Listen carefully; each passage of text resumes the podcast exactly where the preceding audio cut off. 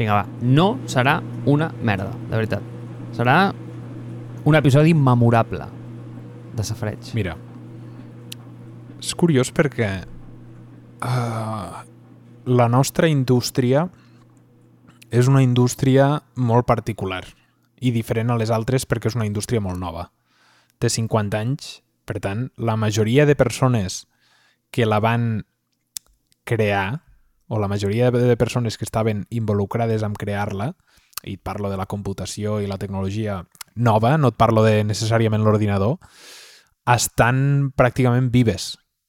I, i és a dir, estem que, o sigui, podem interactuar amb la persona que va crear la roda, m'entens? Abans de crear una indústria.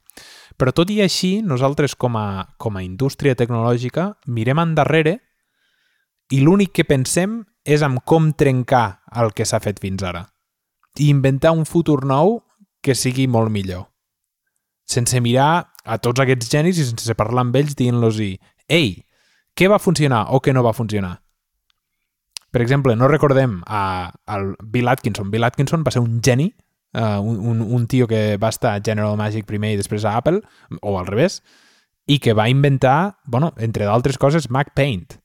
Aquell tio va inventar el sistema de productivitat que hi ha ara, el va aplicar ell, va ficar les, uh, la llista d'eines a l'esquerra, el canvas a, a davant, i això, bàsicament, ho pots veure fins avui a, a Photoshop. O General Magic, no? Bill Atkinson va treballar General Magic amb, el, bueno, amb, amb, amb bastanta altra gent. Aquests fiquen la primera pedra perquè el 2007 i 2008 es converteix en l'iPhone. Igual que Apple amb la seva Newton. O un altre. El, em penso que és Bill Atkinson també, que inventa HyperCard. HyperCard és el precursor de Flash, que és el precursor de eh, com estem fent ara la computació. I la joia de la corona és el, el Xerox Park, on inventen les dos grans coses que fan que l'Steve Jobs es converteixi en el que és, que és la Graphical User Interface, el mouse i, a part, el Object Oriented Programming. No? Que això, Objective-C, Swift i eh, tot el, el sistema de desenvolupament de, del Mac.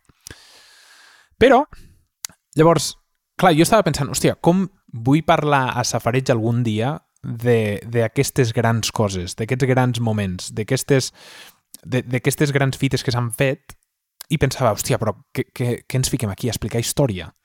I llavors he recordat l'avorrida que era la història quan te l'explicava una persona que... És a dir, normalment te l'explicaven gent que no tenia passió i nosaltres eh, d'això potser ens en sobra una mica. Però pensava, hòstia, com, com ho encaro això? I vaig pensar, què millor que explicar la nostra història. No, no, no necessàriament la nostra història de quan vas néixer i tal, sinó la, la història que et va enganxar a la tecnologia. El que va fer que tu dediquessis els millors anys de la teva vida, el, el, el nombre més gran d'hores de la teva vida, a part de dormir, a fer el que estàs fent avui. Però abans m'agradaria fer-te un parell de preguntes, que és, tu saps quan es va inventar el primer ordinador? Per ordinador consideres vàlvules de buit o consideres eh, eh, un... Eh, com es deia? Un àbac. Ah, per ordinador considero uh, la primera cosa que es va dir ordinador. Computer. Ostres, el working definition no, no el tinc al cap, eh? És a dir, tio, és que, és que igual eh, podria ser un àbac, eh, igual podria ser una vàlvula de buit, igual era... No, era, era una cosa que feia càlculs de manera automàtica. Era el 1822. Vale. Eh, pesava més de 300 quilos i bàsicament feia unes 29 equacions o, o podia agafar equacions amb 29 variables a la vegada. Que, hòstia, bastant potent, no? Però 300 quilos, o sigui, 300 quilos on els fiques. Llavors, la cosa que marca el després és el transistor. 1905, 1926, comencen a, a ficar els primers ordinadors amb transistors, i llavors vaig pensar, hòstia, eh, molt interessant, no?, el transistor, i llavors penso, quants transistors tenia el primer Apple? L'Apple One, l'ordinador que van fer l'Steve Wozniak i l'Steve Jobs, no per comercialitzar-lo necessàriament, ells el que el volien era ensenyar-los i el, el, el d'allò de, de hobby, o sigui, les persones que, que eren entusiasmats amb això, però, o entusiastes, quants transistors tenia aquest ordinador, diries? Anem a posar l'escala... Hòstia, seria divertit posar-los... Saps el, el mític gràfic que posen en els... Eh, a 10, a 11... A13, A14, que no té escala, saps? Que, que és com els de Jeff Bezos, que, que no et diu on està l'escala, doncs molaria posar-lo allà. Però clar, ara estem en els bilions. Eh, eh, igual aquest estava a l'escala dels cents o dels mils, potser. El primer ordinador d'Apple tenia 4.528 transistors i l'M1, el xip de l'M1, en té 16 bilions. Així m'agrada, que posis números als charts. Així està bé, escala. Llavors, mirant, porto, porto dies mirant endarrere i ficarem links a sota de, de, de coses, però fa dies que reflexiono al per què vam entrar en aquesta indústria. I abans d'entrar a la meva història, m'agradaria primer entrar a la teva. Per què has dedicat els millors anys de la teva vida a, a la tecnologia? Què, què, què t'hi va cridar l'atenció? Per què no ets periodista, Marc? per casualitat. no, no crec que sigui per això. Però, ei, o sigui, al final és important, eh? Vull dir, la, la, el randomness i, i valorar les coses que no passen, perquè moltes vegades les, les, les passem per alt. Però, mira, per donar-te com els 5 cèntims de la meva història, i no sé si te l'he explicat mai, però jo quan tenia 18 anys, mai ho he explicat al podcast, crec que eh, jo és el que volia ser, jo, jo volia ser mecànic, que mecànic està bastant allunyat de la tecnologia. I anem a dir que, a veure, sí, la mecànica té cert punt de component tecnològica, però és allò que sempre... No, no, no, no sé de qui és aquesta frase, em sembla que és d'Alan Key, em sembla, que és aquella de que un cop com la tecnologia deixa de ser màgica d'alguna manera com la, la donem for granted, no? Vull dir, deixa de ser tecnologia, no? És a dir, eh, no ho sé, una cisterna d'un vàter és tecnologia o no? En el seu dia segur que ho era, ara no. Eh, llavors, és com quan deixa de tenir aquest punt d'il·lusionisme, de, de ser màgic, eh, li, ja no li diem tecnologia anymore. Eh, llavors, és el que et dic, la mecànica mm, era tecnologia. Home, doncs sí, maybe at some point ho era, ara ja no més. Llavors, eh, jo volia ser mecànic, ho tenia claríssim. Tenia el meu workshop aquí, eh, muntava i desmuntava les meves motos. Ho sabia, bueno, des del primer moment eh, era un apassionat del, del transport, dels vehicles, dels cotxes, encara ho soc. Però els meus pares, que eren molt intel·ligents, tio, em van dir, Marc, tio, tu no vols ser mecànic, tio, tu, tu vols ser el que dirigeix els mecànics. I jo, ah, amigo, sounds, tell me more. Sona interessant. I em diu, això es diu enginyer industrial, nen. Jo, vinga, a la, a la factoria. I em van convèncer. I vaig fer enginyeria industrial.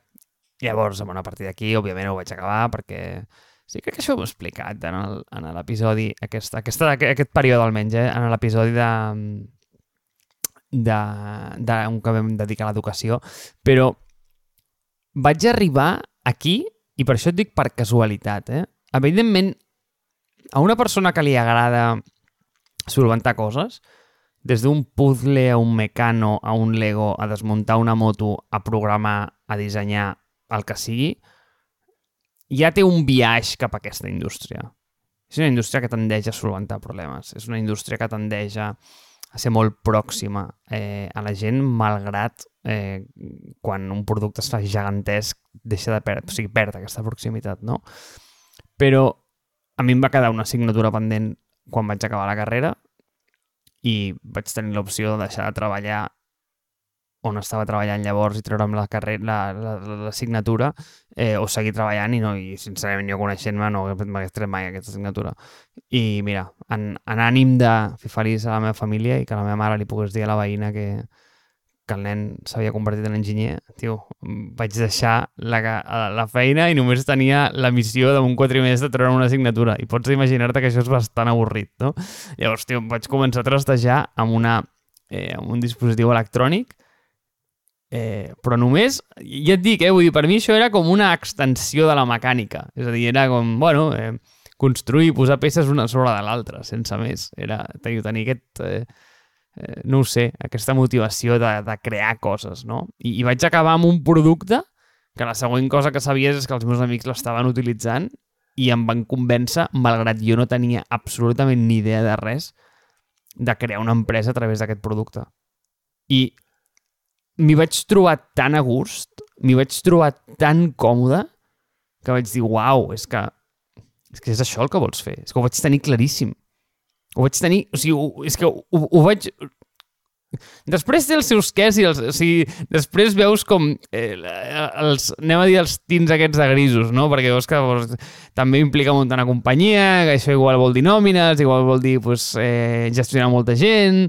I, I després acabes com posant tot al seu lloc, no? Però aquesta idea de que tu ets capaç de crear una cosa que té el potencial de canviar literalment la vida de la gent i ho pots fer en, en un volum i en una escala eh, que no et permet, no ho sé, eh, ser un professor particular de guitarra, per exemple, a mi em va seduir i, i em va treure i, i, i, i és el que i, igual a dia d'avui em genera aquesta addicció encara de, ostres, ets capaç tu amb les teves mans de crear una cosa que impacta la gent? Ostres, quin vehicle més potent, eh? És a dir, el concepte d'entendre de que, tio, el món no, no està donat, que el món no, no, no l'han posat allà uns eh, i, i, i, i s'ha quedat allà i que tu no pots fer res i que ets un actor merament passiu d'aquest escenari, a mi això m'inspira. A mi això és el que, el que em fallava pel matí, d'alguna manera, a part també de sortir a córrer no? i anar amb bici. Però, eh, però, però, però aquesta idea de... Tio, o sigui, el món està perquè juguis amb ell, saps? Eh, el món està perquè, perquè el toquis i emputxis tio, una pedra i a l'altra banda doncs, passi alguna cosa, saps? Eh, i, I aquesta reactivitat, aquesta acció-reacció, crec que és molt més palesa i té molta més palanca i crec que la paraula és aquesta, és palanca, no? O sigui, és aquest leverage, de dir, eh, això ho pots fer amb altres disciplines? Sí, pots. Però crec que en lloc és tan rellevant com amb el que ara anomenem tecnologia. He contestat a la teva pregunta, Ramon? Sí, has contestat totalment i m'agrada que el teu angle sigui tan absolutament diferent al meu.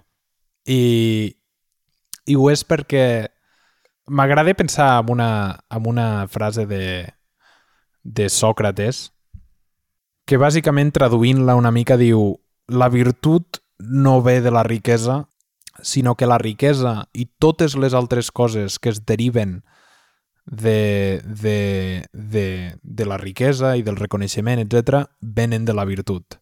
És a dir, això és el que sempre deia el Steve Jobs. Tu, el teu objectiu no pot ser mai dominar el mercat, sinó crear el millor producte possible i, i així tu faràs uh, que el mercat et vingui cap a tu. I, i per això trobo que mirem les coses d'una manera diferent. Tu les mires des de un punt molt més pragmàtic, on tu vols veus aquesta possibilitat de la palanca que té la tecnologia i jo ho miro des d'un punt de vista de el crear el millor. I t'explico per què. Jo, el me, el, jo penso que el meu no és casualitat. Jo, és casualitat de que al final acabés poguent fer-ho, però no és casualitat que jo amb 10 anys hi hagués destrossat dos ordinadors tota la vida és casualitat, no? Però mon pare era una, un apassionat amb, pels ordinadors i la tecnologia i ell sempre portava els telèfons a casa, telèfons d'aquells de maleta, després telèfons més petits, recordo aquell Nokia, penso que era un Nokia, un Ericsson, que era aquell vermell petit que obries la tapa i llavors amb el dit petit havies de teclejar. I... El, T, el T10, nano. T10? A veure si era aquest. No. No. Bueno, s'assembla. S'assembla, mm -hmm. és veritat, s'assembla. Sí, sí, sí, sí, sí. No, sí que era aquest, sí que era aquest, sí que era aquest. Bona. és que eh, era... m'estava sortint un Xiaomi. Um, sí que era aquest, sí que era aquest. Eh, i, i era una persona que portava ordinadors a casa i jo vaig tenir un ordinador a casa des de que era molt petit i ja n'havia destrossat dos quan tenia 10 anys i recordo fer coses com obrir la tapa perquè respires millor, entendre com funcionaven les coses de dins i recordo uh, canviar-me... Tu, quan, quan, quan estaves en un sistema operatiu dramàtic com és Windows, el que havies de fer era canviar-te bueno, uh, si, si tu t'importava una mica l'estètica, et canviaves el, el, et modificaves el sistema operatiu i això és una cosa que Windows et deixava fer. Jo sempre volia tenir el cursor negre o volia tenir el dock a baix, i això em ficava programes que em feien això i llavors em rebentaven l'ordinador. I, I recordo fer la meva primera web quan tenia 10 anys, vaig fer una web per, per Greenpeace o sobre Greenpeace, que ma mare em va fer tancar per, per a veure si ens denuncien els de Greenpeace i uh, hem d'anar a judici. Clar, 10 anys, uh, fa, fa, fa 17-18 anys ja d'això. No, no sabíem com anaven les coses, encara anàvem pràcticament amb mòdems. I, i recordo també instal·lar piratejar Photoshop i, i fer coses a, a foros online, no? La gent parlava per foros, no parlava per... Sí, tenia Messenger, però la gent parlava per foros i es connectava per foros, perquè era, era quan començava tot això. I, i recordo que al veure la primera web em va passar com, un, com aquesta realització d'entendre que la web és no només un portal, sinó que és el portal absolut on la teva, la teva marca, la teva empremta que està allà, pot viure i la pot accedir tothom. No és una cosa que tu fiques al teu balcó perquè veguin les quatre persones que passen pel, pel, pel teu costat, sinó que és una cosa que literalment pot veure tothom a la vida amb la facilitat de només ficar la teva adreça a, la, a, a buscar la teva adreça. I això és una cosa que a mi em va apassionar, no? Crear, crear aquesta identitat que podia ser falsa, podia no ser-ho, i, i poder-te connectar de manera directa amb tantes persones, hòstia, tenia un potencial brutal. I vaig començar a aprendre no? codi, HTML, CSS, aquestes coses, fins que va arribar un moment que mon pare va arribar amb un iPhone a casa. Era el 2009 o així. I mon pare té, té els dits bastant grans, té els dits bastant gordos. I recordo teclejant a l'ordinador. I, el, I el teclat reconeixent el que ell volia teclejar. I li deia, espera, espera un moment, no pot funcionar això. Com sap el mòbil? Clar, quan ficava ell el dit al mòbil és com si el fiqués al mig del mòbil. I el teclat entenia perfectament el que mon pare volia escriure. I recordo i em diu, sí, i mira, mira, també pot fer fotos. I va fer una foto i es va fer l'animació la, la, de la càmera que es tancava i s'obria. Quan feies una foto abans a l'iPhone, feia el soroll i es tancava i s'obria. La... No sé com es diu aquest component de la càmera, però bueno, és una animació que podeu trobar. L'obturador. L'obturador. I, I pensava, hòstia, veient aquella fluidesa, aquelles animacions, aquelles coses que no es veien en lloc més, vaig, vaig decidir que volia fer alguna cosa per allò. I vaig treballar molts anys a, als estius per comprar-me el meu primer Mac perquè no, no el podíem comprar i em vaig comprar el primer Mac, vaig començar a fer, a fer aplicacions per, bueno, pues per mi i, i les vaig començar a ficar a GitHub, a Dribble i a totes aquestes pàgines perquè, fins que al final em van, em van trobar. Uh, i, I al final és el que deia, és el que deia l'Steve Jobs, no? Has de creure en alguna cosa perquè, hòstia, si no creus en res, no passarà mai res. I si creus amb el destí, o si creus amb que al final tot anirà bé, pots mirar endarrere i veure que tot eren casualitats, però que aquestes casualitats connecten. I així és com jo vaig començar, no? I, i me'n vaig anar a Noruega a viure i, i vaig estar un parell d'anys treballant a Noruega, etc etc. i bueno, això fins, fins avui, que això ja no és tan interessant. Però era aquesta, aquesta capacitat de no saber que això era una feina, i que havies de fer una enginyeria industrial perquè si no et, et fotries de gana. I aquesta, aquesta bellesa de que tot i no ser una feina, hòstia, vols, vols fer una cosa guapa que la gent pugui veure. Recordo estar un estiu fent un servidor per jugar al GTA uh, online i fer-lo jo al servidor. I recordo, recordo fer competicions amb gent per a veure qui tenia la, signatura, la, la signatura del foro. Al foro abans escrivies i, i tenies una signatura que era de 400 per 600, una cosa així, no sé de quan era, 200 per 300, no sé, el que sigui. I, i competir. Et donaven uns requeriments i llavors anaven... A... I allò ho feies pues, bueno, com la persona que, que es dedica a, a xutar una pilota, que també ens hi dedicava molt, eh? I, i segur que va ser una de les coses que penses, hòstia, m'hagués agradat ser jugador de futbol però aquesta, aquesta cosa romàntica de voler fer alguna cosa bonica perquè la gent digui, hòstia, que guapo, no? I això és el que diu el Guardiola que, a, quan, quan juga a futbol. Diu, al final el futbol és... Sí, és un esport i és, i és tot el que vulguis, però l'objectiu final del futbol és que la gent vagi al camp i digui hòstia, que guai, ens ho han passat bé avui. I, i per mi la finalitat d'entrar a tecnologia era, era això, és, hòstia, que, que guapo això, que, que això és una cosa que recordo. I, i aquest és una mica l'objectiu. Després, no? veus una vegada entres com de polítiques i com i la quantitat d'egos que has de manejar i la quantitat de coses que has de fer, però, però trobes a gent que vol fer el mateix i quan et trobes aquestes persones, hòstia, és, és imparable, això. Igual aquest és un punt que jo no esperava i gràcies per treure la conversa perquè ara mateix et diria que és una de les raons, no només per les quals hi vaig començar, perquè com et deia no ho sabia, sinó que hi segueixo enamorat com la primera vegada. I és la gent que m'està permetent conèixer. És a dir, és un món que en el que hi gravita gent que pensa...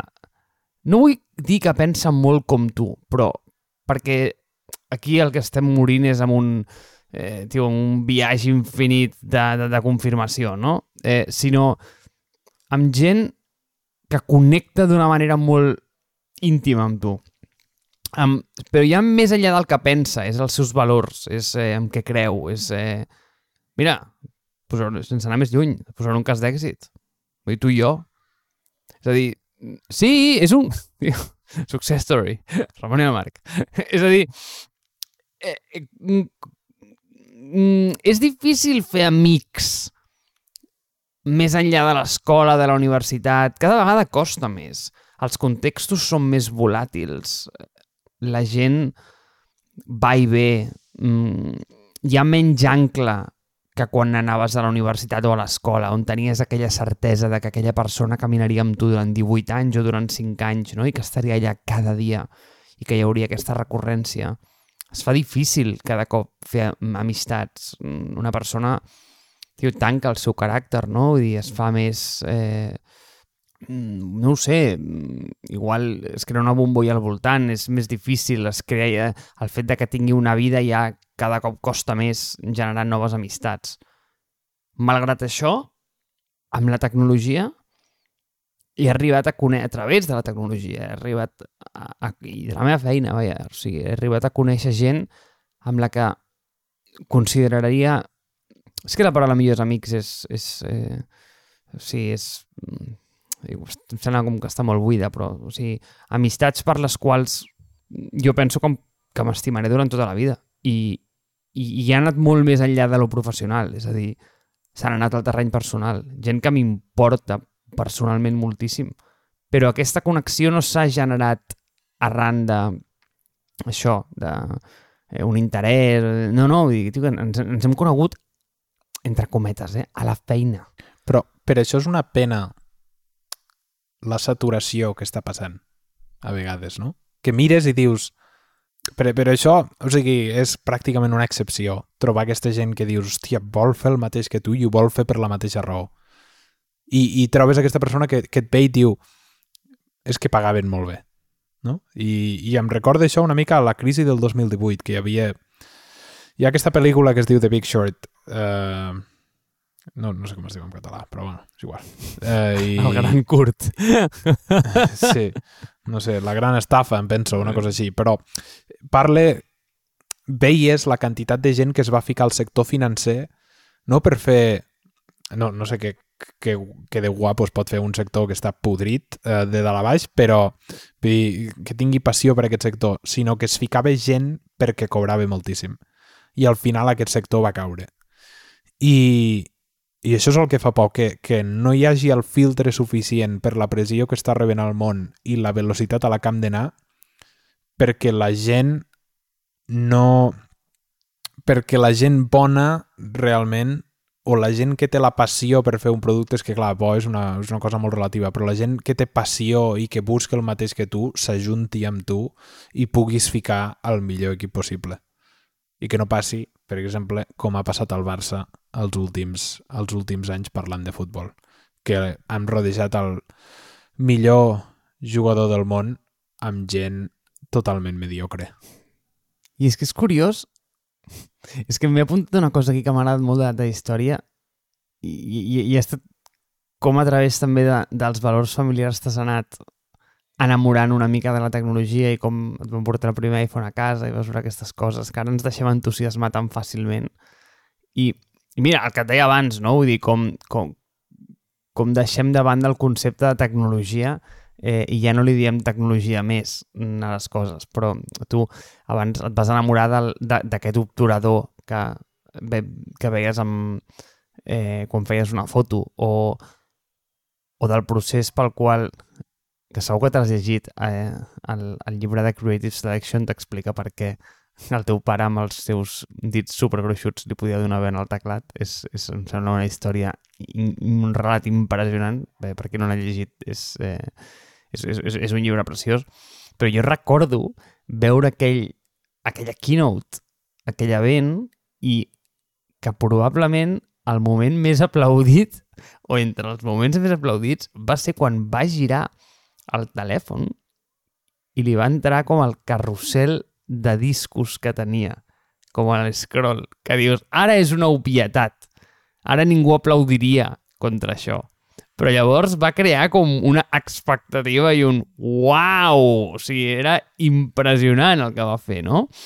Eh, i, i, I el fet que aquestes petites coses siguin capaç com d'enamorar-te i que tu li puguis trobar el valor, em sembla com ostres, eh, quina indústria més maca la, la que estem, no? Eh, que, mm, quina capacitat que té de seduir i de, i de crear coses que, no ho sé, que, que la gent les disfruta, no? I, I després és el que tu dius, es pot pervertir, i s'ha pervertit per dreta i per esquerra, i podem parlar de pues, mm, addiccions, d'ansietat, mm, privacitat, podem parlar de... Ho podem tocar per 30.000 angles, eh, el que tu dius, no? Vull dir que ara hi ha gent que suma el carro únicament per, per temes purament econòmics, eh, el que tu vulguis. Però com el fonament, és a dir, si tu em preguntes això, no? com és Marc, que, que et vas enamorar d'això, sí que és el que et va enganxar i el que et segueix aquí, ara et diria que són aquestes dues coses. O sigui, la, la primera és aquesta, és la, de, la que t'he comentat de veure com ets capaç d'accionar el món i que no ets un agent passiu en aquesta vida, sinó que realment tens la capacitat de fer coses. I la segona és que et permet entrar en contacte amb gent que està igual de sanament boja que tu, si vols. Sí, i ara que dies això, volia recordar un dels meus moments preferits de, de la història de, de tot això, que és quan l'Steve Jobs treu el Macintosh, l'aixeca, el deixa sobre la taula, es treu el floppy de la, de la seva butxaca de la camisa, el fica dins del Macintosh, l'encén i el Macintosh diu Hello, I am Macintosh. It sure is great to get out of that bag. I ho diu amb una veu raquítica, que no té res a veure amb Siri, però la gent s'aixeca i li fa una ovació de 5 minuts brutal. I no, no només això, sinó com mentre això passa, la seva cara ho val tot. És a dir, tio, aquella cara entre melancolia, felicitat, eh, orgull de cara a l'equip que ha creat allò i... És, és a dir, tio, o sigui, eh, té una expressió facial que és un, per mi és un autèntic poema. Per mi és, és, és, és, és super, super, super expressiu. És una passada. Quin és el moment en què tu personalment has t'has sentit més orgullós o has vist que has fet un canvi brutal a la vida de la gent? No sé si m'ha passat encara. Encara, encara no t'ha arribat, eh? No, igual, a mi tampoc, eh? No ho sé. Igual a mi tampoc m'ha arribat. És que és una cosa molt grossa de dia i penso que ja ningú té la capacitat per fer això. Mm. És a dir, sí, quan, quan has estat testejant uh, una interacció que has pensat durant molt temps i veus a la persona que la descobreix, eh, recordo això, uh, al laboratori de Red Bull, i mirar la researcher dient hòstia, és, és de veritat aquesta interacció i no parava de fer-la? Hòstia, clar, aquest és un moment brutal, però d'aquí a, a que t'ovacionin 5 minuts perquè acabes de reinventar tota una indústria, Uf. No, home, ja tu, però a petita escala. Jo tinc moments d'aquests a petita escala. Mira, el primer dia que vaig pujar l'aplicació de, de Yomando al Market i vaig veure que una cosa que havia contribuït a crear estava a l'App Store, vaig dir, uau, Marc, o sigui, tio, això és gros, o sigui, això sí que mola, saps? O sigui, tenia en el meu home screen una cosa feta per mi, era com, en sèrio? Aquest, per mi era molt jovenet. Aquesta m'ha impactat molt. Mira, una altra que m'ha impactat moltíssim, eh, bueno, no sé, és que, és que diria el nom, eh, però és que és igual. Eh, una persona, després de passar per un programa d'Ironhack, em va venir mm, quasi en llàgrimes explicant-me de quina manera li havíem canviat la vida. I articulant tan perfectament com aquell programa era la guspira del canvi, que em, o sigui, em va fer veure, Marc, tio, estàs, estàs en el cantó correcte de les coses. Eh, aquesta, aquesta per mi va ser, va ser una altra, va ser una altra molt, molt, molt rellevant. I mira, di, digue'm banal, però no saps la il·lusió que em va fer a mi entrar com al Apple Podcast i veure Safreig posat en allà, amb els seus cinc primers episodis. Em va fer molta il·lusió. Em vaig sentir extremadament orgullós. Perquè vaig pensar, mira del que ha sortit d'un esmorzar amb el Ramon, quina narrativa i quina història hem arribat a crear.